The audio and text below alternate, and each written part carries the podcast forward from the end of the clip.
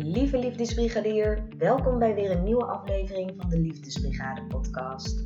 Jouw wegwijzer op jouw innerlijke reis. Mijn naam is Jasmin Lindenburg en in deze podcast ga ik in gesprek met bijzondere gasten en ontdek ik welke route volgens hen leidt tot een liefdevol en gelukkig leven. Vandaag heb ik voor jullie het gesprek dat ik had met Guido Bakker. Guido is werkzaam als holistisch fysiotherapeut, wat inhoudt dat hij verder kijkt dan alleen de fysieke oorzaak. Zelf kreeg hij op zijn 18e onverklaarbare rugklachten die zo'n drie jaar aanhielden. En in dit gesprek vertelt hij hoe hij ontdekte dat onverwerkte emoties deels de oorzaak van deze rugklachten waren. Ook geeft hij praktische tips om weer in contact te komen met je lijf en hoe je kunt ontprikkelen. En daarnaast hebben we het onder andere ook nog over het vaderschap en hoe het is om man te zijn in de hedendaagse maatschappij. Geniet van dit gesprek en dan kom ik daarna weer bij je terug. Ja, zijn we er klaar voor? We zijn er klaar voor. Goed. Heel goed. Welkom Guido. Ja, dankjewel. Bedankt voor de uitnodiging. Ja, super leuk dat je hier wilt zijn. Ik eh, volg je al een tijdje op Instagram en ik zag daar dat je holistisch fysiotherapeut bent. Ja. En ehm, ja, dat sluit heel erg aan eh, bij eh, holistische therapie. En ik, ja, daardoor leek je mij een, een perfecte gast voor de podcast. Ja. Dus ehm, voor degenen die jou nog niet kennen, stel jezelf even voor. ja. Mijn naam is Guido Bakker. Ik werk nu bijna acht jaar als eh, fysiotherapeut. En nu sinds eh, ja, een jaar werk ik eh, voor mezelf in mijn eigen praktijk in Leiden. En ben ik inderdaad ook coaching erbij gaan doen. En heb ik mezelf de naam holistisch fysiotherapeut gegeven. En wat, ik, wat dat inhoudt is dat ik ehm, niet alleen het fysieke aspect van klachten bekijk, maar ook het emotionele, het mentale en eh, ook het energetische en soms ook het spirituele erbij betrek. En ik merk dat er heel veel behoefte eh, naar is en dat het eh, heel goed bevalt voor mensen en het bevalt mij ook heel erg goed. Vertel eens wat meer over dat laatste. Over welk laatste, welk stukje? Dat het jou heel erg goed bevalt. Ja, ik, ja, wat ik zeg, ik merk dat er heel veel behoefte naar is en dat mensen super goed op reageren. En dat, ehm, ja, dat ik merk dat klachten heel vaak niet een fysieke oorzaak hebben, en fysieke klachten. En dat het dus net zo goed ook eh, emoties kunnen zijn die iemand een langere tijd met zich meedragen. Ehm, of andere vormen van, van stress. En als we het hebben over, over stress, dan merk ik dat mensen al heel snel dat moeilijk vinden om dat ehm, te erkennen en dat, dat ze dat met zich meedragen. En dus ik noem het vaak ook gewoon spanning. En er zijn meerdere vormen van stress. Dus dan, ik onderscheid het emotionele eh, spanning, ehm, mentale spanning, fysieke spanning.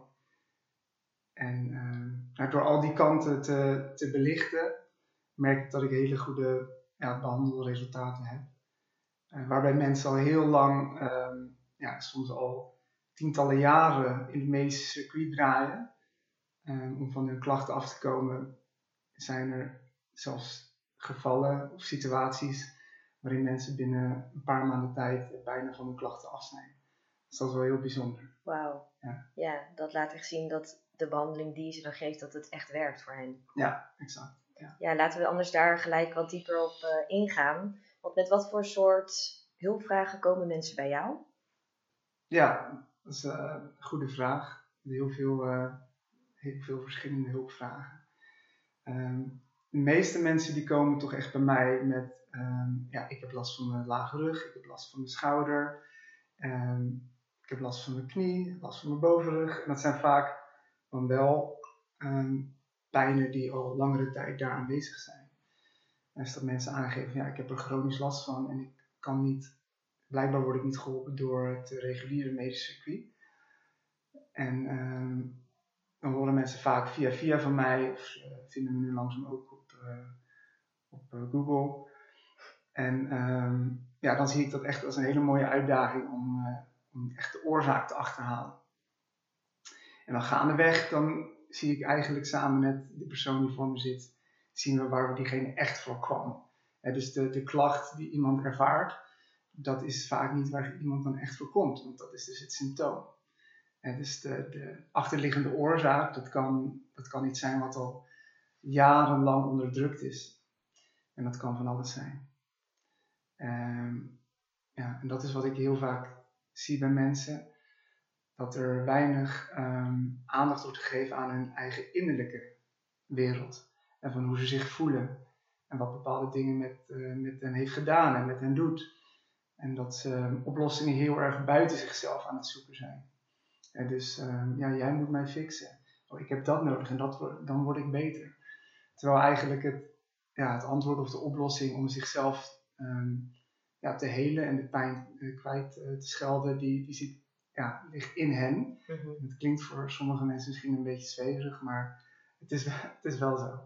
Ja. ja, voor mij klinkt het totaal niet zweverig. Ja.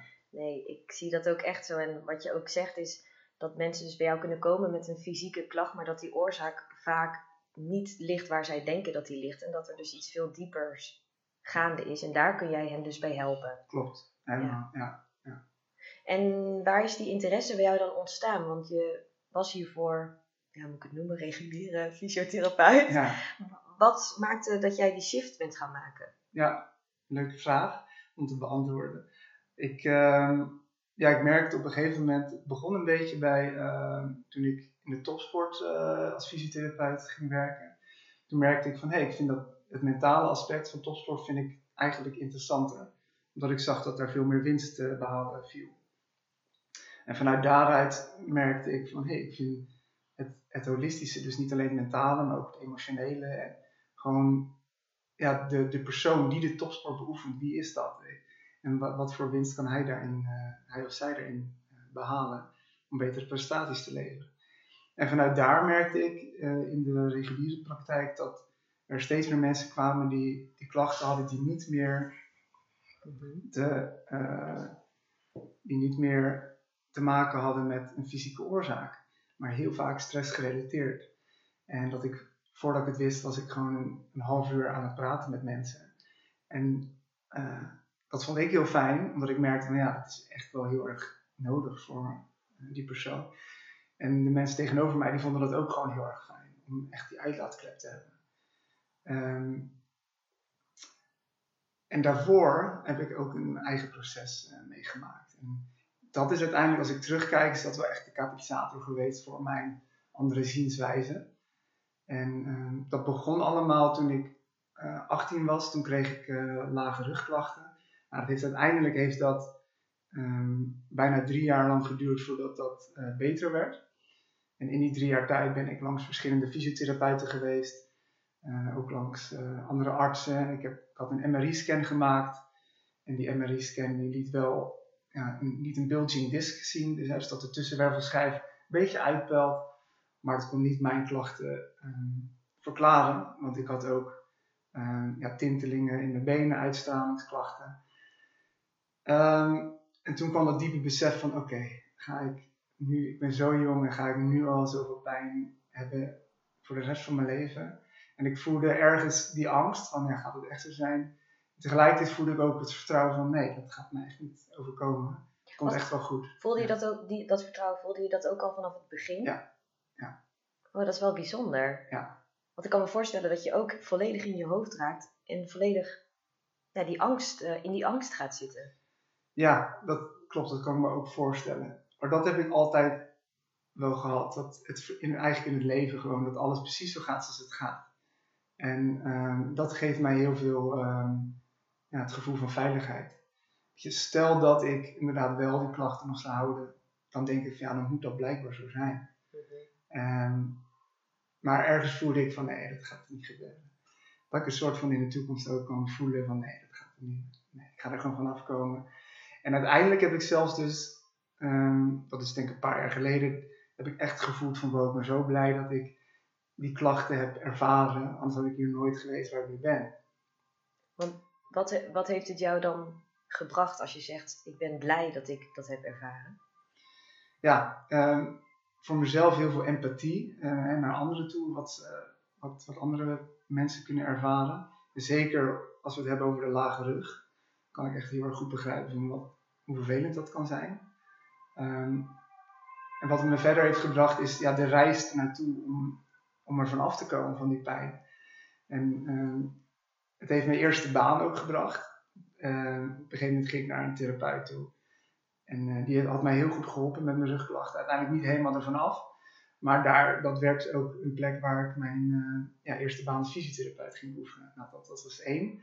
Uiteindelijk heb ik ook via dat bedrijf ben ik ook in het buitenland gewerkt als fysiotherapeut. Nou, dat heeft mij ook heel veel gebracht. En uiteindelijk... Um, Wat had dat jou gebracht? Nou, het, uh, het was in Maleisië. En het, uh, het, het, dat culturele, dat, dat met andere mensen in contact staan. En ik had een heel andere... Ik kreeg het ritme van, van die bewoners daar. Ik was elke ochtend half zes op. En ik ging, eerst wat ik deed is naar buiten. ik woonde aan de rand van de jungle. Uh, een van de eerste dingen die ik dan ging doen is op zo'n ja, reflexologie uh, pad lopen. Met allemaal van die uh, dikke stenen waar je op kon lopen. En, wow. Ja, dat was best wel, best wel pijnlijk, maar je wende er wel aan natuurlijk. Maar dat, het voelde zo goed. En ja, het heeft me ook weer doen beseffen van ja, ik, ik wil dichter bij de natuur leven. En ik wil meer de natuur in. En um, ja, dus dat heeft mij die reis gebracht. En uiteindelijk um, via, via uh, uh, die reis naar het buitenland kwam ik uiteindelijk ook in contact met uh, ayahuasca. dat is mij niet onbekend. Dat is jou niet onbekend. Oké, okay, dat is ik nog niet. Nee. Nee, leuk. Dus, nou, en dat heeft mij echt mega veel gebracht. En um, en voor diegenen die niet weten wat ayahuasca is, het is een, het is een plantmedicijn en uh, wat uit Zuid-Amerika of Midden-Amerika uh, ja, zijn oorsprong kent. En volgens mij is het een, maar misschien weet jij dat beter, is het een combinatie van, van een plant en, en een, en een ja, andere boom of twee planten. En dat wordt dan ja, op een bepaalde manier bereid, gekookt en dat drink je dan op. Ontzettend smerig, maar ja, wat er daarna gebeurt is bijzonder prachtig. Bijzonder mooi, inderdaad. inderdaad. Ja, dus het is allemaal waard die smaak. en um, ja, ik vond het wel leuk, want mensen, veel mensen in mijn omgeving, als het, uh, die, die, zien het ook als drugs. En toen hoorde ik een keer de quote van ja, als het, uh, als het je heelt, dan is het een medicijn. Mm. En als, als het dat niet doet, dan is het inderdaad een drug. En dit, dit heeft echt een helend effect. Wat was het grootste wat jij daar uit hebt geleerd voor of over jezelf? Ja, meer, meer in contact staan ook met mijn, met mijn gevoel, met mijn, met mijn ware natuur. Want dat, daarvoor stond je dat dus niet? Blijkbaar minder. Want ik was er, ik was er, ik, laat ik het zo zeggen, het grootste uh, concrete insight was dat ik heel veel liefde van mijn ouders miste. En toen ik 13 was, uh, scheiden zij. En uh, dat heb ik echt meteen heb ik dat onderdrukt. En dus toen ik, het, toen ik het te horen kreeg, was er natuurlijk veel verdriet. Um, maar ja, vanaf de, dag daarna heb ik dat gewoon, al die emoties die daarna loskwamen, heb ik, uh, heb ik weggeduwd. En uh, ik weet nog dat ik al die jaren heb gezegd tegen mezelf van nee, het is goed zo. En ik ben blij dat ze uit elkaar zijn, beter zo. En nou, mijn zusje die had er juist heel veel last van.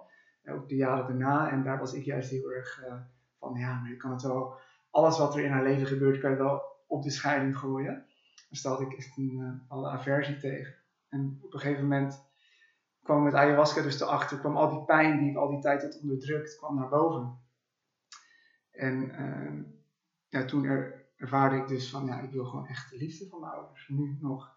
En toen kwam er dus ook in de jaren daarna, zelfs nog op bepaalde momenten, kwam er uh, verdriet van toen, kwam naar boven. En dat is niet verdriet van nu, hè, maar ja, echt van toen wat in mijn lichaam is blijven vastzitten. Op zodanig op het moment dat ik ook merkte dat, um, dat daar ook een deel van mijn rugklachten vandaan kwamen.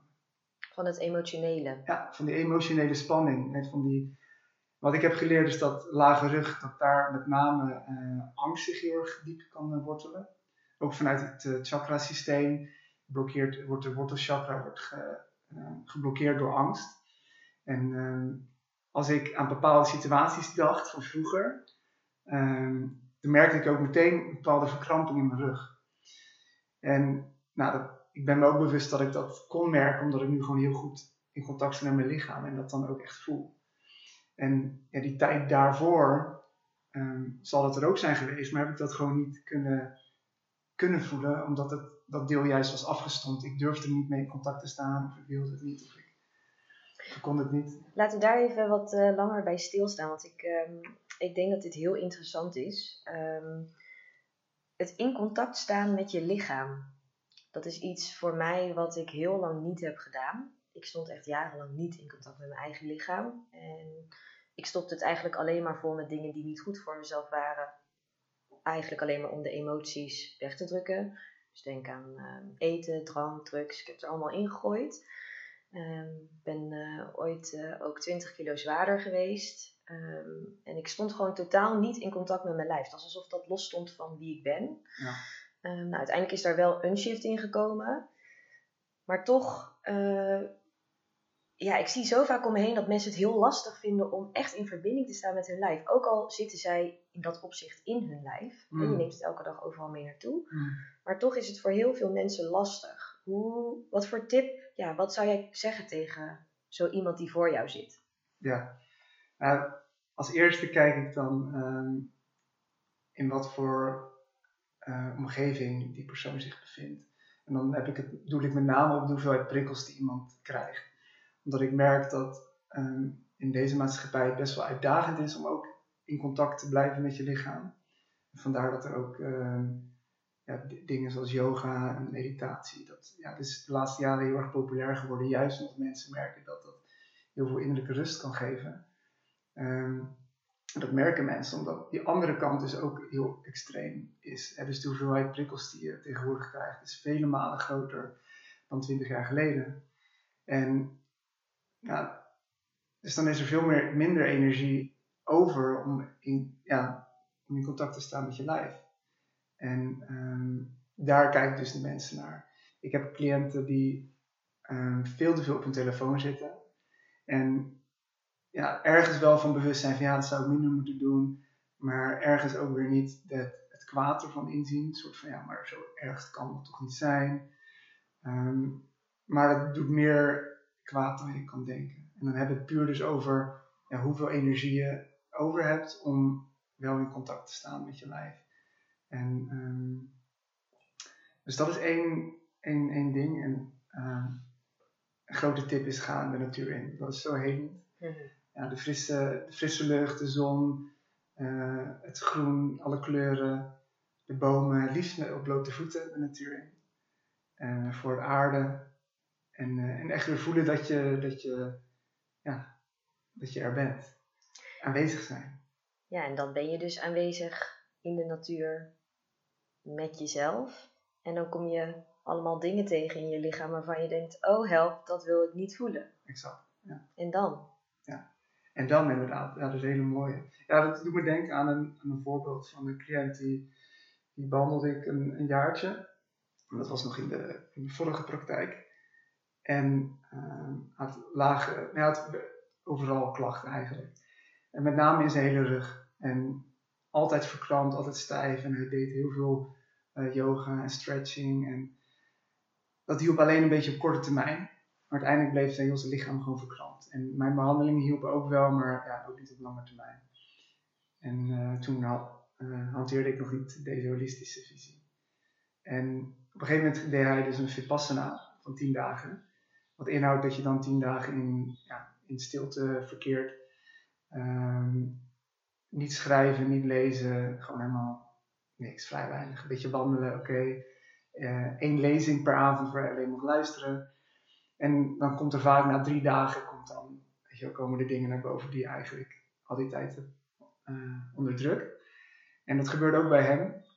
Waarop hij toch even naar de begeleidster ging en zei van... Uh, oké, ik voel dit allemaal en ik weet niet wat ik mijn moeder ben super bang en zus en zo. En toen zei ze, ja, ja, supergoed, ja, daar ben je heen voor. oké, nou ja, dus ja, daar moet je inderdaad gewoon doorheen, weet je wel, met, en dan met die met begeleiding natuurlijk. Dat is ja. iemand die jou kan helpen om, om alles wat je ooit, alle pijn die je ooit hebt weggedrukt, alle gevoelens, om die te gaan omarmen, om eigenlijk te zien van, hé, hey, weet je wel, dat is niet meer nu, je bent nu veilig dat zijn dingen van vroeger. En ehm, het is oké om dat uh, te voelen. Je mag verdriet voelen, je mag huilen. Weet je, dat is net zo'n waardevolle en mooie emotie als, als blij zijn en lachen.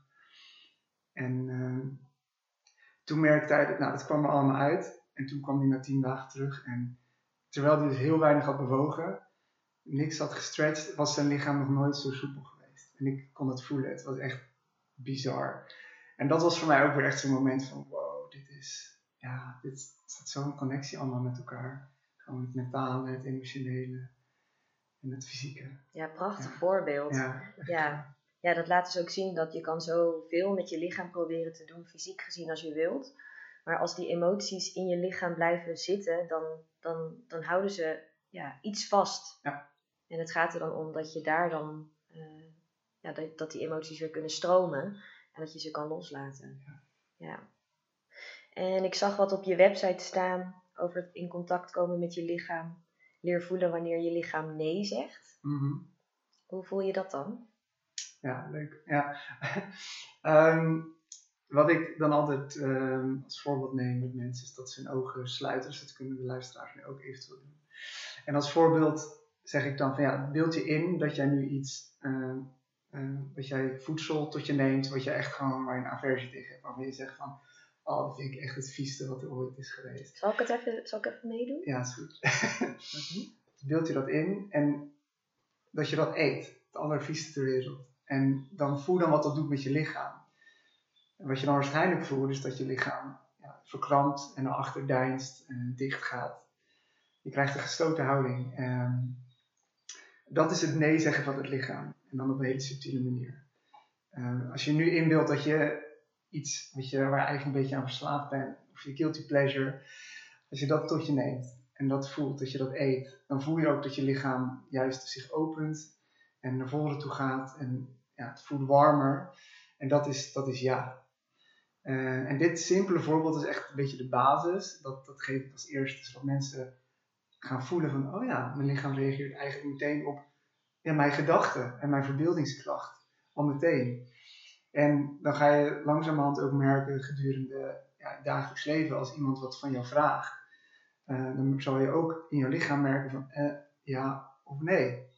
En, en terwijl jij ja zegt, dan gaat je lichaam naar voren. En terwijl je nee zegt, dan ga je een beetje exact, naar achter. Ja, ja, exact. Dat is echt zo. En um, ja, dat doe ik, hetzelfde voorbeeld kan je ook uh, niet, kan je niet met eten doen, maar gewoon met iemand die je graag een knuffel zou willen geven. Weet je wel. Ja. Van de warmte en, en veiligheid. Iemand waar je een aversie tegen hebt. Dus ook als iemand dus wat van je vraagt, dat je, als je meer in contact met je lijf komt, dan voel je meteen van, hé, hey, dit wil ik eigenlijk helemaal niet.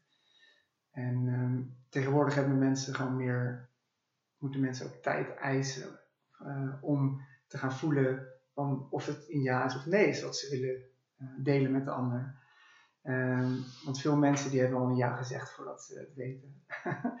en dat is vaak toch wel omdat ja, iemand dan toch pleasend gedrag heeft. Heel herkenbaar ja. wat je zegt. Dat is echt een van de valkuilen geweest, echt heel erg lang. Dat ik in mijn enthousiasme, op dat moment dan voel ik heel erg een ja. Dus dan zeg ik dan ook tegen een aanbod van iemand, zeg ik dan ja.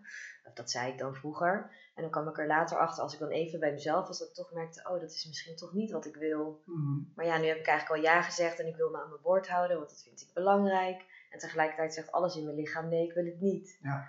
En dat is ook echt iets wat ik heb moeten leren door de jaren heen om dat ook te voelen van op dit moment voel ik wel een ja, maar laat me er nog even over nadenken en dan kom ik er bij je op terug bijvoorbeeld. Maar het is echt ook een spier die je dan gaat trainen, zodat je er steeds natuurlijker in wordt. Exact. Ja, klopt helemaal. Ja. En dat is het, um, de, de, uitdaging in deze maatschappij, omdat alles tegenwoordig snel is. Er is um, social media, WhatsApp en mailtjes en dat moet allemaal nu. We willen heel vaak nu antwoord. Ja. dus als iemand uh, wat aan jou vraagt face-to-face, dan reageert je brein ook nu. En omdat het dat, ja, het is gewoon automatisme ook. Dus daarom is het zo belangrijk om ja, echt uh, me-time te creëren. Dus tijd met jezelf, tijd in de natuur, om echt te gaan vertragen en te onthaasten. Uh, om je brein ook te leren dat het niet allemaal nu hoeft. En dat, het niet, dat je niet hoeft te multitasken, wat je overigens niet eens kan, maar uh, dat, dat lijkt zo. Um, ja, om echt, om echt um, een, ja, een balans in je lichaam en geest te houden. Ja. En hoe zou jij nu zeggen op dit moment dat de balans is bij jou tussen lichaam en geest? Een leuke vraag. um, moet ik even inchecken naar mezelf. Als Ga je even voelen in je lichaam? Ja, voelen, ja.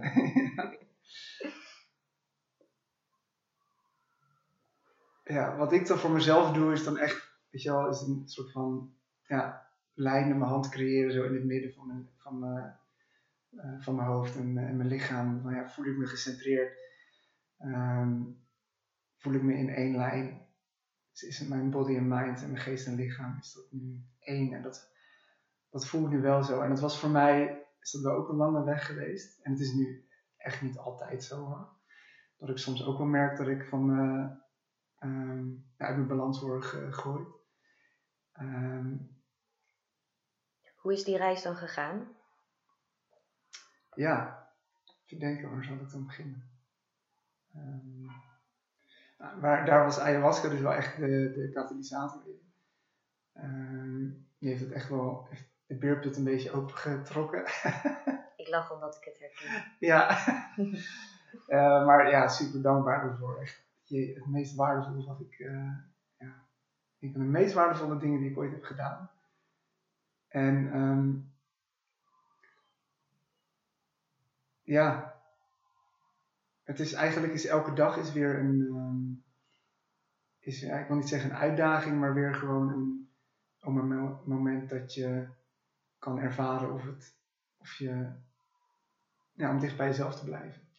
En ik denk dat dat ja, voor mij te maken heeft met het feit dat ik in deze maatschappij leef. En die maatschappij is er gewoon niet opgebouwd om jou in, per se in balans te houden. Um, en ik vind het gewoon heel leuk om altijd terug te keren naar de, ja, de oermens of de mensen in de Amazone die, die weg, um, weg zijn van, um, ja, van de maatschappij zoals wij die kennen. En dan denk ik, en dat wil ik ook nog wel echt een keer gaan, gaan onderzoeken, om daar naartoe te gaan, dan denk ik dat zij standaard gewoon veel meer in contact staan met, ja, met hun eigen natuur. Omdat ze dus ook gewoon veel meer contact staan met de natuur en alles om hen, uh, om hen heen. En wij hebben zoveel afleiding tegenwoordig. En ja, het, ik merk dat het gewoon voor mezelf is het echt wel een uitdaging om ook om bepaalde gewoontes zoals uh, veel op je telefoon zitten, veel achter je laptop zitten, um, dat soort dingen, om dat bewust gewoon niet te doen. En, en dat ene moment dat je je telefoon wil pakken en automatisch even zou gaan kijken, dat je dan bewust gaat kiezen, uh, of dan een bewustzijnsmomentje hebt en voelt van oké, maar waarom doe ik dit eigenlijk? Wat heb ik nu nodig? Wat mis ik? Waarom ik dit wil doen? Is het echt nodig om dit moment te, te,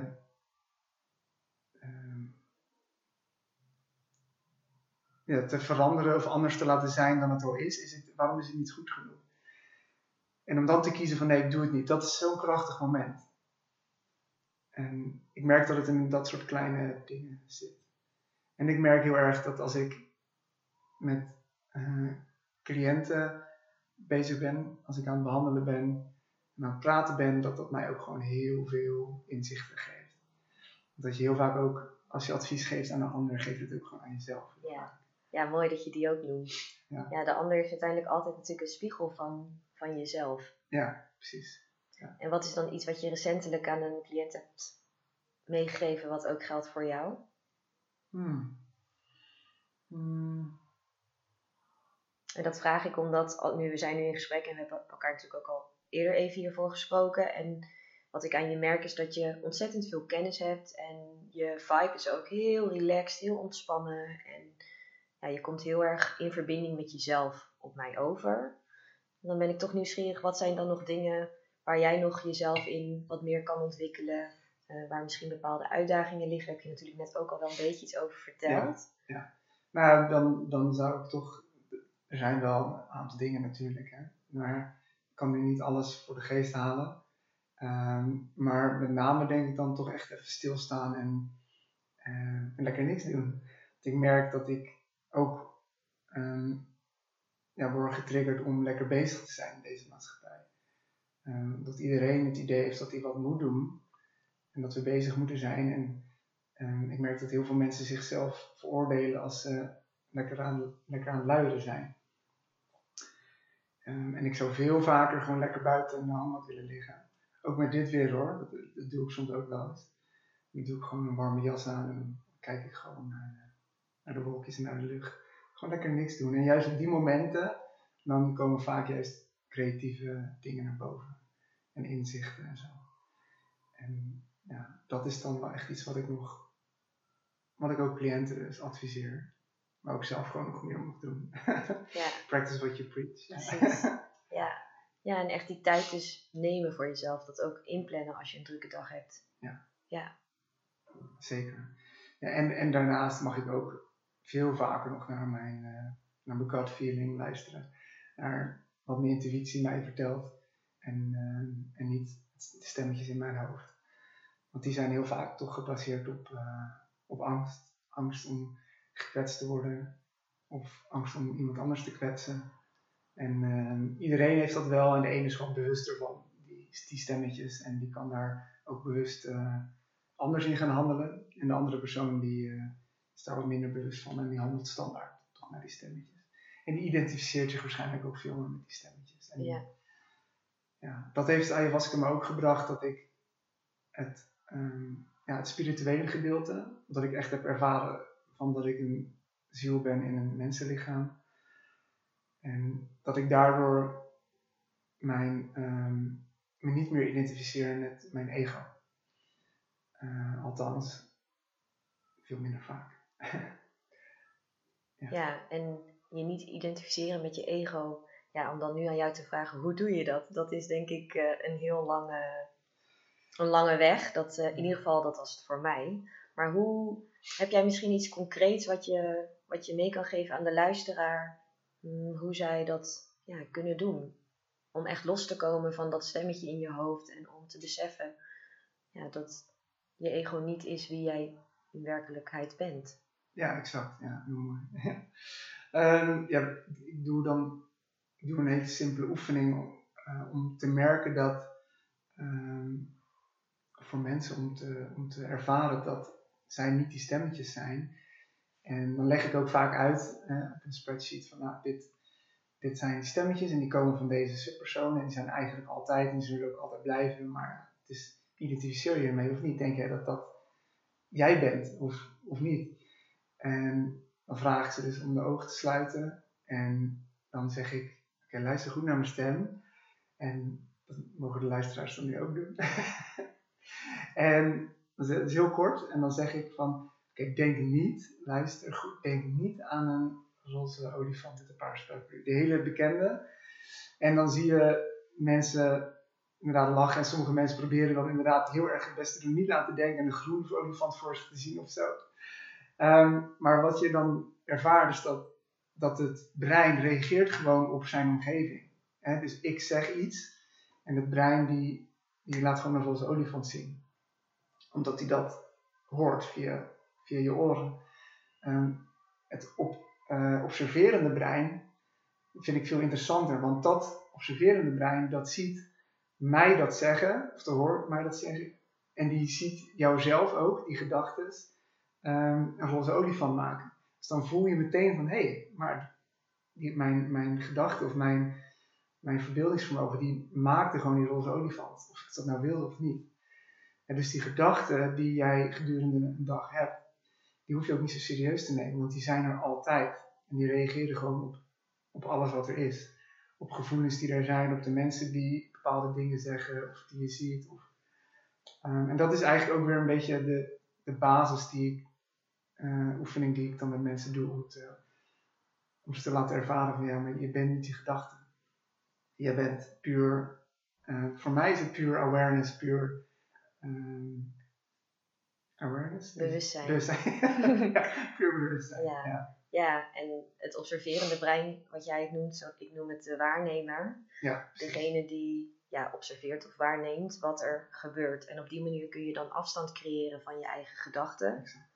En op die manier kun je je steeds iets meer loskoppelen daarvan. Dus dat je die identificatie daarmee steeds ja. uh, minder aanwezig maakt. Ja, ja.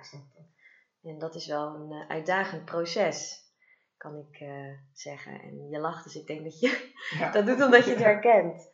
ja, ik vind dat toch wel in mijn eigen proces vind ik dat wel een van de meest uitdagende eh, punten om, om daar los van te komen. En het nog steeds wel te accepteren dat het er is, maar dat het dus niet zozeer de waarheid is als je het hoort in je hoofd. Ja, exact. Ja, ja en het is, ja, dan kom ik weer terug op ayahuasca, dat is voor mij, ik heb daar echt ervaren van, oké, ik, ben, ik ben energie, ik ben bewustzijn, ik ben een ziel hier in dit lichaam. En dat, dat gevoel raak ik nooit meer kwijt. En daar kan ik altijd naar terugkeren. Dus wat er ook gebeurt in, in mijn hoofd, ehm, ik word niet zodanig uit balans gebracht dat ik mezelf helemaal verlies in mijn ego. Ja, dus dat is het. Dus, het is, dus wat het meest belangrijk vind ik gewoon dat iemand echt iets gaat ervaren.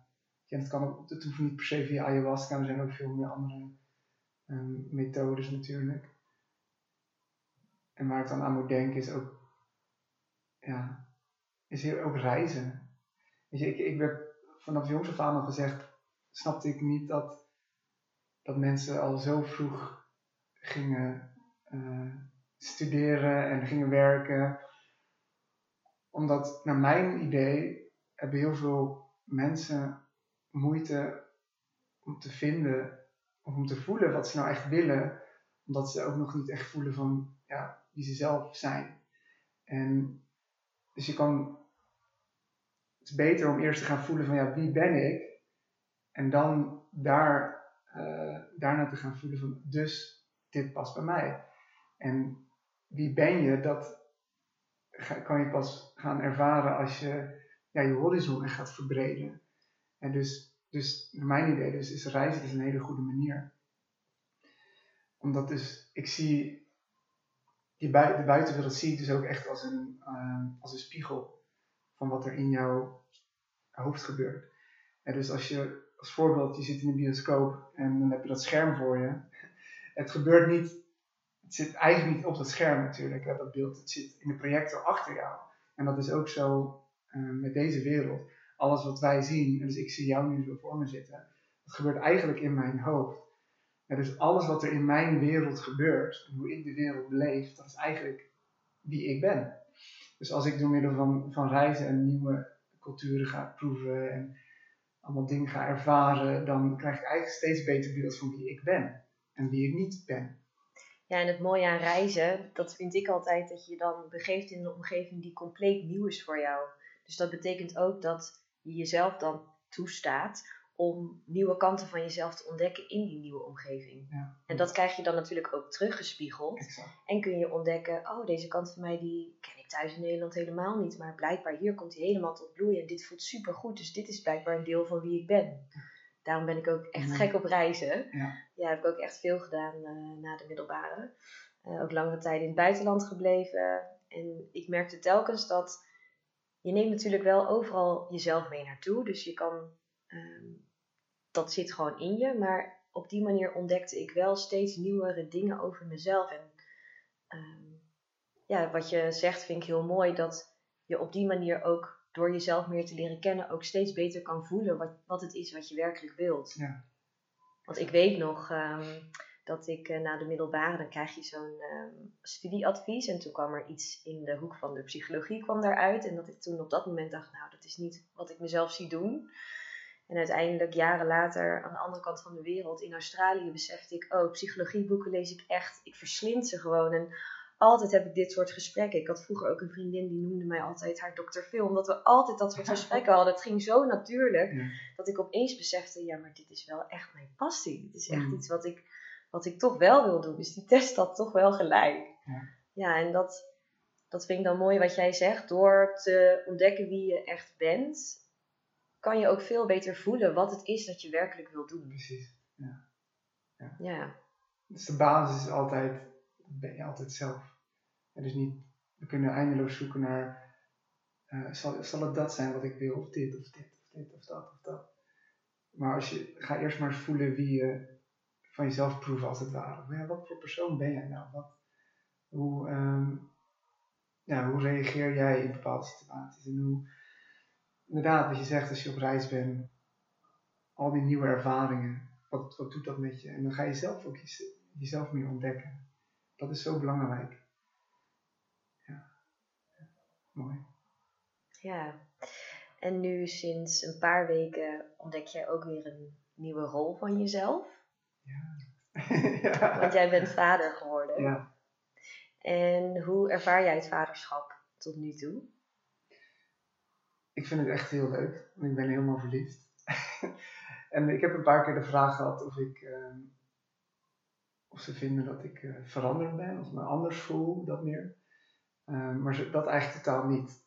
En ik voel me wel veel rijker. Zo voelt het echt. Als echt een, ja, alsof er heel veel liefde zo op me is afgekomen. En ja, het is heel moeilijk te omschrijven, maar het is, dat is het. En het is zo bijzonder. En ik weet nog de eerste denk ik, paar dagen na de bevalling, toen uh, had ik een uh, voor mij een beetje emotioneel nummer opgezet. Maar niet, helemaal niet bewust. Maar toen zat ik naar hem te kijken met dat nummer op. En toen moest ik toch een paar tranen laten. Dat vond ik, het voelde ook heerlijk om te doen. En toen... Wat ging er toen door je heen? Ja, ik was zo, zo dankbaar. Zo blij. Omdat je toch... Of ik, ik had echt wel... Um, ja, het idee van, nou ja, eigenlijk altijd, alles gaat goed in mijn leven. Bij mij gaat best wel veel voor de wind. En had ik zoiets van, ja, zou, zou het zijn dat dit dan misschien tegen gaat zitten? Weet je? Dan gaat er toch zo'n stemmetje doorheen van, is dit het dan misschien? En toen dacht ik, toen hij er was, toen dacht ik van, ja, wat een onzin, weet je dat je daar enigszins naar hebt geluisterd. En toen voelde ik zoveel dankbaarheid dat, dat die kleine er is. En ja, het is, zo, ja, het is een belachelijk mooi wonder. Het is, zo bizar. Ja, het is echt een ervaring. En ik heb het ook gewoon, ben zo blij dat ik het gewoon helemaal heb mee kunnen maken. Die hele bevalling vond ik ook, ik hou heel erg van de natuur, dus ook van dit natuurgeweld. dus ik heb het allemaal gewoon helemaal mee kunnen maken en ik vond het heel mooi. Ik vond het echt heel mooi, heel bijzonder. Ja. Ja, en, die, en ja, als je dan in zijn ogen kijkt, dan, ja, zeker als hij nu, kan hij een beetje bewust gaan lachen soms al.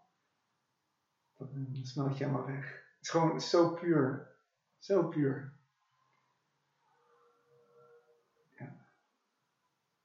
Ja. Nu, nu, komt er, terwijl je dit vertelt, komt er iets in me op.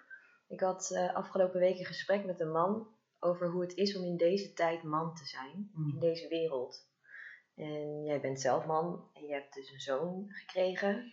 Hoe, hoe ervaar jij het om, ja, om man te zijn in deze wereld? Mm.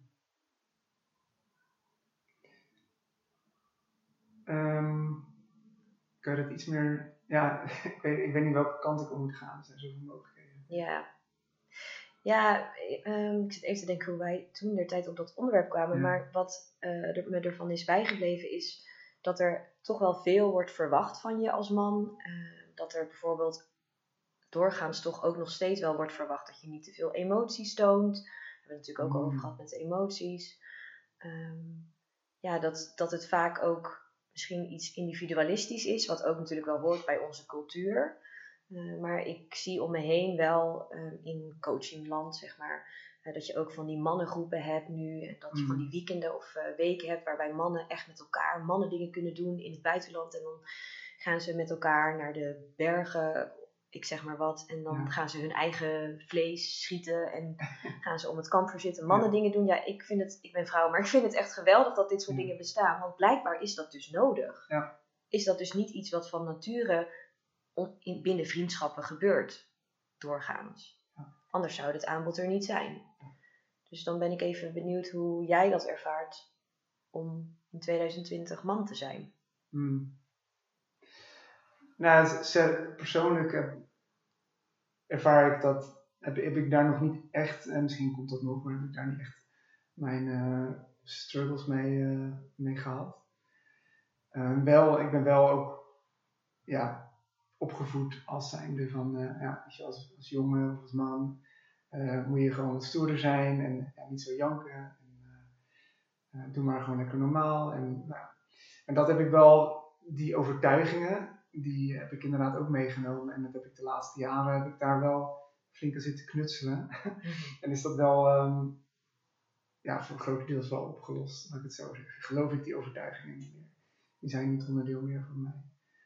Ehm, maar ik zie wel veel, ja, heel veel om me heen. Ik, zie dat, ik hoor inderdaad mannen die zeggen, nee hoor, ik heb uh, al twintig jaar lang uh, niet uh, gehuild of geen emoties getoond. En, maar dat zie ik dan ook aan hun lichaam.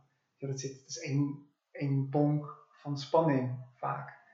Um, en dat emotionele spanning, die draagt zich heel snel mee de bovenrug. En vaak dan straalt het ook door naar de schouders. Um, ja, en dan kan je dat met heel veel verschillende technieken kan je dat oprakelen. En dat, dat doe ik dan niet om, ja, om iemand te laten ervaren van eh, eh, kijk eens wat er zit. Maar iemand komt bij mij met klachten. En diegene zegt ja, ik kom er maar niet vanaf. En die staat er dus blijkbaar voor open om ook, uh, ook deze, uh, dit pad te bewandelen. En dan komt het inderdaad eens naar boven dat, het, uh, dat dat een onderdeel daarvan was.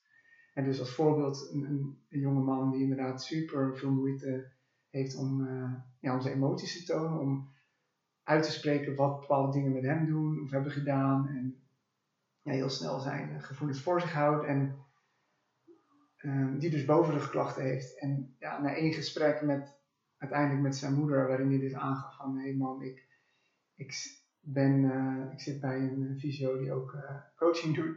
Alleen toen al zijn zijn klachten voor de helft verminderd. Dus, en dat komt omdat, omdat hij zijn klachten, of zijn, de spanning die daar zit, um, als gevolg van die emotionele last die hij met zich meedraagt, die wordt erkend. En dus hij erkent van, oh het is er, en dat geeft al zoveel ademruimte aan zijn lichaam. Um, en de, de, laatste tijd ben ik inderdaad ook uh, wel aan het uh, verdiepen, of ik zie het ook veel meer, hè, de, de mannenweekenden en de mannencirkels. En dat vind ik wel echt interessant. En daar wil ik ook, uh, wil ik ook echt nog wel wat mee gaan doen. En ik had, uh, denk twee maanden geleden, had ik zelf uh, een weekend emotioneel lichaamswerk waar ik aan deelnam. En daar kwam ook echt naar boven dat um, ja, mijn mijn keelgebied is nog echt wel uh, een aandachtspunt. Uh, dus uh, keelgebied staat voor zelfexpressie ook. En het uiten van, van, van emoties. En waaruit de conclusie van het weekend was ook om mijn eigen stem weer te gaan vinden. En um, ja, dat vond ik wel heel mooi. En toen werd mij ook aangeraden, um, ja, misschien is het een goed idee om voor jou een keer een, zo'n een, een, cursus mannenkracht te gaan doen. Weet je, zoiets. Dus dat is wel heel leuk dat je dat zo aanhaalt. Dus zeker, daar, dat is nog wel een gebied wat ik uh, nog wel, wel verder wil ontdekken. Ja. En ik merk dus om me heen dat er ook veel meer behoefte aan is. Maar ook van de vrouwelijke, vrouwelijke kant. En net zo ja, natuurlijk. Zeker. Ja. Dus dat vrouwen, vrouwen worden inderdaad als emotioneel uh, gezien ook. Uh, maar tegelijkertijd um, wordt ook heel erg hun, vaak hun kracht onderdrukt. En een, een, een kracht om, um, ja, om zichzelf. um, ja, ik vind altijd eh, veel vrouwen een soort van onbewust onderdrukt kunnen worden in deze maatschappij. En, en dat nog veel meer, dat vrouw, die vrouwelijke energie. En want uiteindelijk zijn wij allebei veel 50% man als vrouw. Alleen in de verschijningsvorm zijn we dan anders. Uh, dat nog veel meer worden aangesterkt. Weet je? Want dat is juist het laten stromen van, van het gevoel en de emoties. En ja, dat is zo. En dat hebben mannen dus ook juist nodig. En ja. vrouwen die hebben juist weer meer die, die mogen ook dus meer die, die, ja, die daadkracht laten zien. Wat mannen dus ook weer kunnen, kunnen hebben. Nee, dus wil eigenlijk dat die mannelijke en die vrouwelijke energie, die hebben we natuurlijk allemaal in ons, allebei, dat die ook met elkaar in balans zijn. Juist. En meestal is daar dus ook een disbalans, net zoals dat er een disbalans kan zijn in je lichaam uh, en in je hoofd. Ja. ja. Ja, dus uiteindelijk gaat het allemaal om balans. Ja. Ja. Ja, ja. Hmm. ja heel, uh, heel interessant ook om, uh, om te horen hoe jij het, ja, hoe jij het ervaart als man in deze wereld. Ja. Wat, wat wil jij je zoontje meegeven? Hmm. Um, heel, veel, heel veel eigenlijk niet. ik wil heel veel niet meegeven. Zoals? Wat niet? Nou, ja, en dan niet, niet de hele specifieke dingen, maar meer in de zin van dat staat mij heel erg, ehm, dat neem ik heel erg mee in het leven, is dat het, hij is niet mijn bezit. En, en dat, dat voel ik ook echt heel erg. Hij is niet van mij. Ik, ja. Ja, dit, ik vind het heel leuk dat je dit zegt. Ik, ik heb zelf nog geen kinderen. Ehm, maar ik zie het wel vaak om me heen dat ouders hun kind zien als hun bezit. Ehm, ik merk dat ik heel enthousiast raak door je antwoord, omdat ik er zelf dus ook een visie op heb. Maar ehm, eh, vooral dat, eh, hoe ik het zie, is dat je een kind mag opbrengen en hem of haar mag klaarstomen voor het volwassen leven. Dus alles kan geven, uh, alles kan stoppen in het rugzakje, zodat hij of zij dat zelf ja, kan toepassen als het nodig is. Ja. Hoe zie jij dat? Ja, exact hetzelfde. ja, je, hij, hij groeit dan op in een bepaalde maatschappij die gewoon nu al heel erg veranderd is. Uh, in vergelijking met toen ik opgroeide erin. En uh, ik, ik ga hem daarin begeleiden. En um, meer, dan dat, uh, sorry, meer dan dat zie ik uh, mezelf ook niet. En gewoon een beetje gidsen en heel veel liefde geven. Meer dan dat niet. En ik ben vooral heel erg benieuwd hoe hij mij ook kan leren. Mooi. Ja, je, hij is, elk kindje is zo puur en, en onbeschreven. En, en ja, daar kunnen wij zoveel als, als volwassenen nog van leren. Ooit waren wij ook zo en we zijn inderdaad toch een beetje besmeurd met, uh, met allerlei overtuigingen die we hebben meegekregen. En, um, en wat ik inderdaad merk is als, als ouders inderdaad dus zichzelf met een ego identificeren en een, een, kindje krijgen, dan wordt dat is dan ook een ego-rol, de vader of de moeder zijn. En um, wat je dan ziet is dat um, het kind dan heel veel gedrag of uh, allerlei patronen meekrijgt van, van de ouder. Dus het wordt bijna een soort van een kopie van. En ja, dat is niet de bedoeling, vind ik.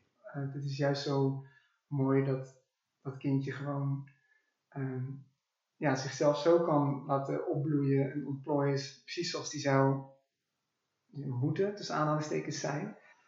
Of, of zou zijn in potentie. Ja. En uh, het gewoon laten gebeuren. En, en ja.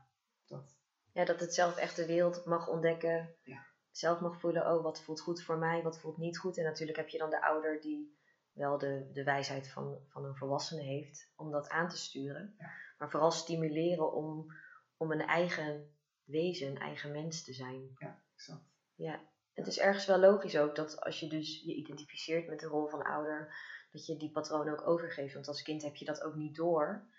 Um, je bent in die mate afhankelijk van je ouders omdat je ze nodig hebt om te overleven. Um, maar het is wel een taak om vervolgens al die patronen die je hebt overgenomen van je ouders, om die dan weer, uh, om je daarvan los te weken. En om te gaan voelen wat past nou echt bij mij en wat heb ik uit automatisme overgenomen van mijn ouders die dat natuurlijk ook weer van hun ouders hebben overgenomen. Hoe kan je die lijn daarin doorbreken? Exact. Ja, ja super mooi.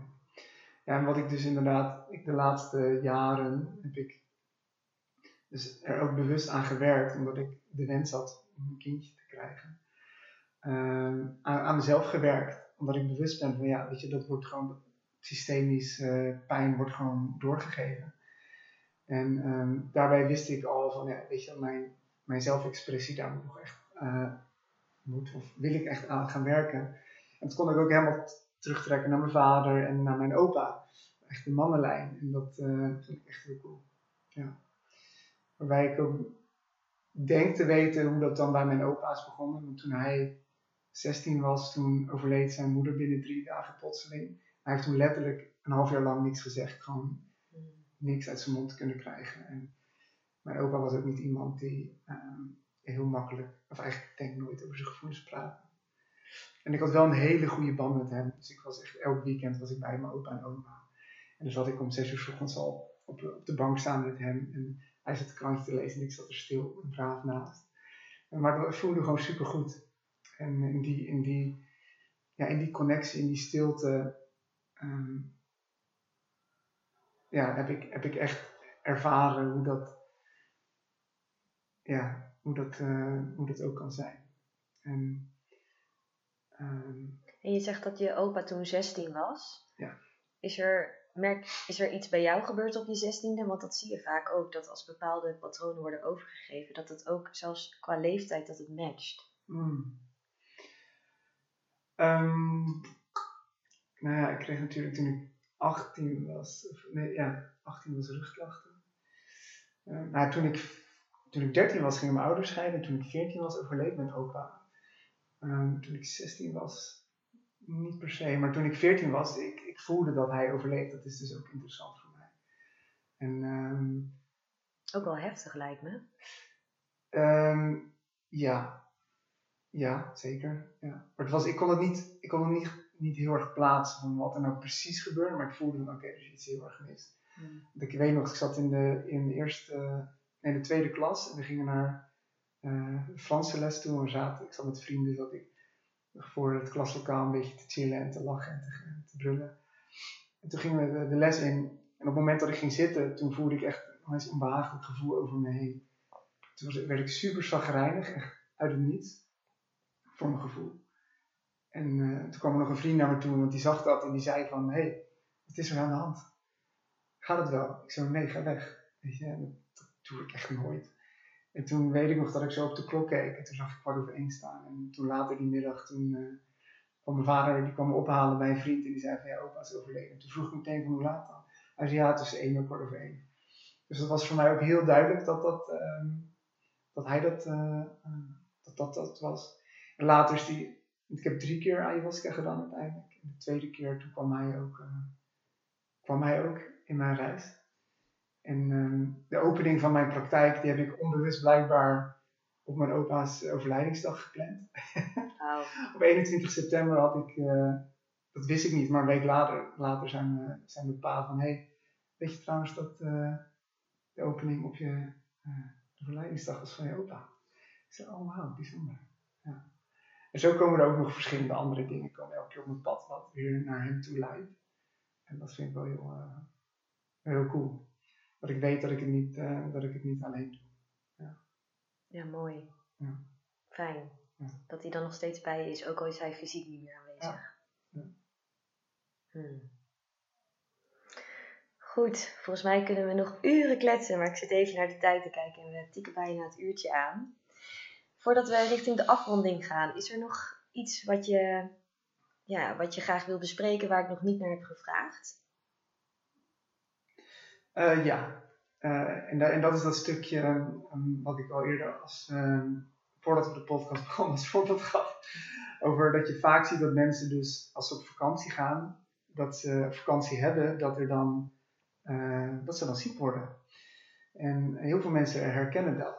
En dat komt omdat dan de aandacht niet meer gaat naar het moeten werken en kunnen functioneren in de maatschappij, maar de aandacht gaat naar oh, ontspanning, relaxen.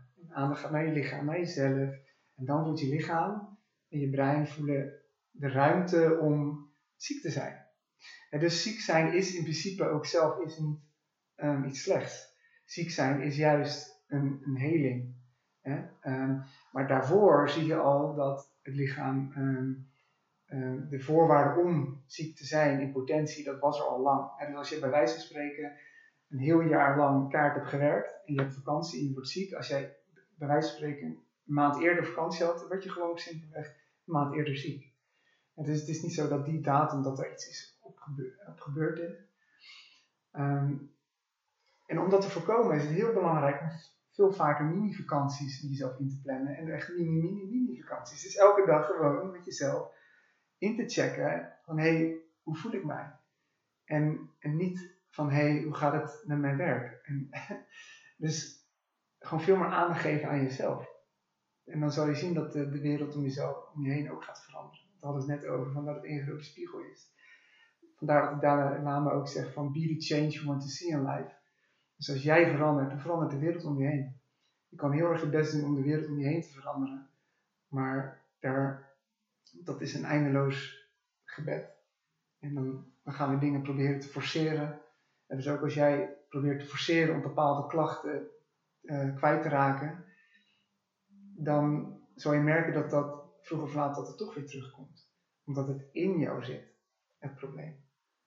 Ja. Ja, mooi dat je dit nog even benoemt. En ook die quote van de Dalai Lama. Ja, ook, eh, dat is ook iets wat ik met de Liefdesbrigade heel erg wil uitdragen. Dat als jij verlangt naar een Nederland waarin hè, oprechte aandacht en onderlinge verbondenheid voor elkaar centraal staan, dan begint dat dus eerst bij jezelf. Dat als jij jezelf die oprechte aandacht kan geven en die verbinding echt met jezelf aan kan gaan, dan zul je dat ook teruggespiegeld zien in de wereld. Exact, 100%. Ja. ja. Ja, dat is, en dat is, daar kunnen we eindeloos over doorpraten. Want dan kom je bij één, één man waar ik nu echt een heel groot fan van ben, is Joe Dispenza. En hij ehm, is een expert op het gebied van um, neurowetenschap en um, kwantumfysica. En dat combineert hij waarin hij echt heel wetenschappelijk kan, kan laten zien van dat jij de, degene bent die jouw leven kan creëren en je leven kan sturen. Je bent continu aan het manifesteren. Dus alles wat er in jouw leven gebeurt, goed of slecht, dat is door je eigen doen. Door je eigen toedoen. dus als iemand zegt van ja, bij mij uh, alles gaat in mijn leven verkeerd. De hele dag gebeurt er dit al. En het hele jaar gebeurt er dit. Dan heeft dat te maken met dat je dat naar je toe trekt. En het heeft te maken met de dingen die je denkt en de dingen die je voelt. En dan trek je dat simpelweg aan. Dus als jij hierin herkent, als luisteraar, dan zou ik zeggen, ga naar Joe Dispenza. Uh, dat is echt, uh, kan echt een gouden tip zijn. Om, je, om patronen te gaan doorbreken en te gaan beseffen dat jij alles kan bereiken in het leven wat je wil. En dat je kan zijn wie je wil zijn.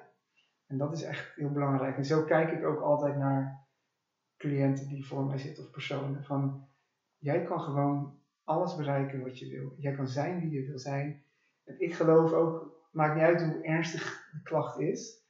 En dat is, voor sommige mensen is dat misschien een beetje te uh, positief, maar ik geloof dat iemand echt van elke soort klacht af kan komen. En dat is met name ook omdat hij, Joe, heeft dat echt laten zien. Hij had zelf zes gebroken rugwervels en hij moest geopereerd worden. werd streng geadviseerd dat hij anders uh, ja, gewoon niet meer zou kunnen uh, lopen.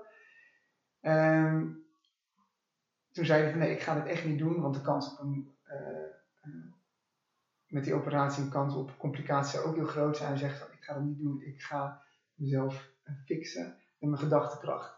Hmm. Toen heeft hij zes weken lang, heeft hij echt, ja eigenlijk zes weken lang zitten mediteren, achter elkaar. Uh, waarin hij ook elke keer weer die stemmetjes had van ja, maar wat als de andere gelijk hebben? Wat als inderdaad dit? Wat als dat? Maar elke keer trok hij zichzelf weer terug naar, dat, naar het oervertrouwen van nee, ik weet hoe het moet zitten. En hij beelde zich echt in, maar ja, mijn wervels gaan weer zo staan, mijn wervels zijn zo, ze zijn zo, ze zijn zo, ze zijn zo. Totdat ze uiteindelijk, um, nee, na zes weken, toen viel het kwartje van hem, van boom, weet je wel. Toen voelde hij echt overal zijn lichaam het vertrouwen. En toen op een gegeven moment, twaalf weken, kon hij gewoon weer lopen en was er niks, uh, nou, niks aan de hand, dat wil ik niet zeggen. Maar toen, toen is hij gewoon weer echt keihard gaan herstellen. En dat is voor, als er één persoon dat zo kan laten zien, dat is voor mij ook een bewijs dat het gewoon niet iedereen dat kan. Ja. Ja, ja. wauw, wat een verhaal joh. Ja. Gaan we ook eens even uitchecken. Ja, heel ja, dus luisteraars die het interessant vinden, die kunnen Joe Dispenza even opzoeken. Of ze kunnen natuurlijk even jou opzoeken. Ja, dat mag zeker. Waar ben jij online te vinden? Ja, op Instagram, op Guido Bakker. En um, op guidobakker.nu vind je mijn website. En um, ja, dat is het eigenlijk, ja. Goed. En dan nog een laatste vraag voor jou. Wat betekent zelfliefde voor jou? Hmm. Ja, ik moet, uh, moet weten natuurlijk dat die zou komen. zelfliefde betekent voor mij dat uh, alles wat er, wat er is en wat je voelt, en wat je, alles wat je voelt en wat je doet en alles wat er is gebeurd, dat dat gewoon mag zijn. En vanuit, vanuit mijn ego, die zou hè, met een stemmetje zeggen van ja, dat mag niet, stom, hoe kon je dat doen, dit of dat. Zelfs dat mag er zijn, hè, want het is er nou eenmaal. Ehm, en dat is, maar dat zijn ook die veroordelingen. En ga daar niet te veel in mee. Of hè, dat is ook een advies naar mezelf. Daar ga ik niet te veel in mee. Um, laat, het, laat het er zijn en wegstromen. Maar ga terug naar, die, naar dat basisgevoel van ja, alles is oké. alles wat er in mij opkomt, dat, mag er zijn. En dat is er uh, omdat het er eenmaal is. Als, je, als het er is en het komt op een bepaald gevoel, of een bepaalde gedachte of wat dan ook, en ik wil niet dat het is, dan ben ik eigenlijk de realiteit aan het afwijzen. Want het is er. Dus je kan het maar beter gewoon accepteren zoals het is. Kijk, dat je het niet wil, dat is een ander verhaal. dus dan moet je even kijken hoe je dat gaat fixen. Om te zorgen dat die dingen niet meer omhoog komen. Dat. Mooi. Dankjewel. Dankjewel voor dit gesprek. Ja, jij ook heel erg bedankt. Superleuk. Vond ook heel leuk. Hiermee zijn we aan het einde van deze aflevering gekomen en nu hoor ik graag van jou. Ik ben benieuwd welk inzicht jij uit deze aflevering hebt gehaald en welke eerste stap jij kunt zetten om dit inzicht te integreren in je leven. Laat het me weten in een persoonlijk berichtje op Instagram de Liefdesbrigade of ga erover in gesprek met andere liefdesbrigadiers in de comments. En vond je deze aflevering leuk? Abonneer je dan nu op deze podcast, laat een fijne review achter en deel hem met je omgeving. Zo help jij de zichtbaarheid van de Liefdesbrigade te vergroten. Dankjewel voor het luisteren. Laten we samen de wereld lichter maken en liefde verspreiden door liefde te zijn.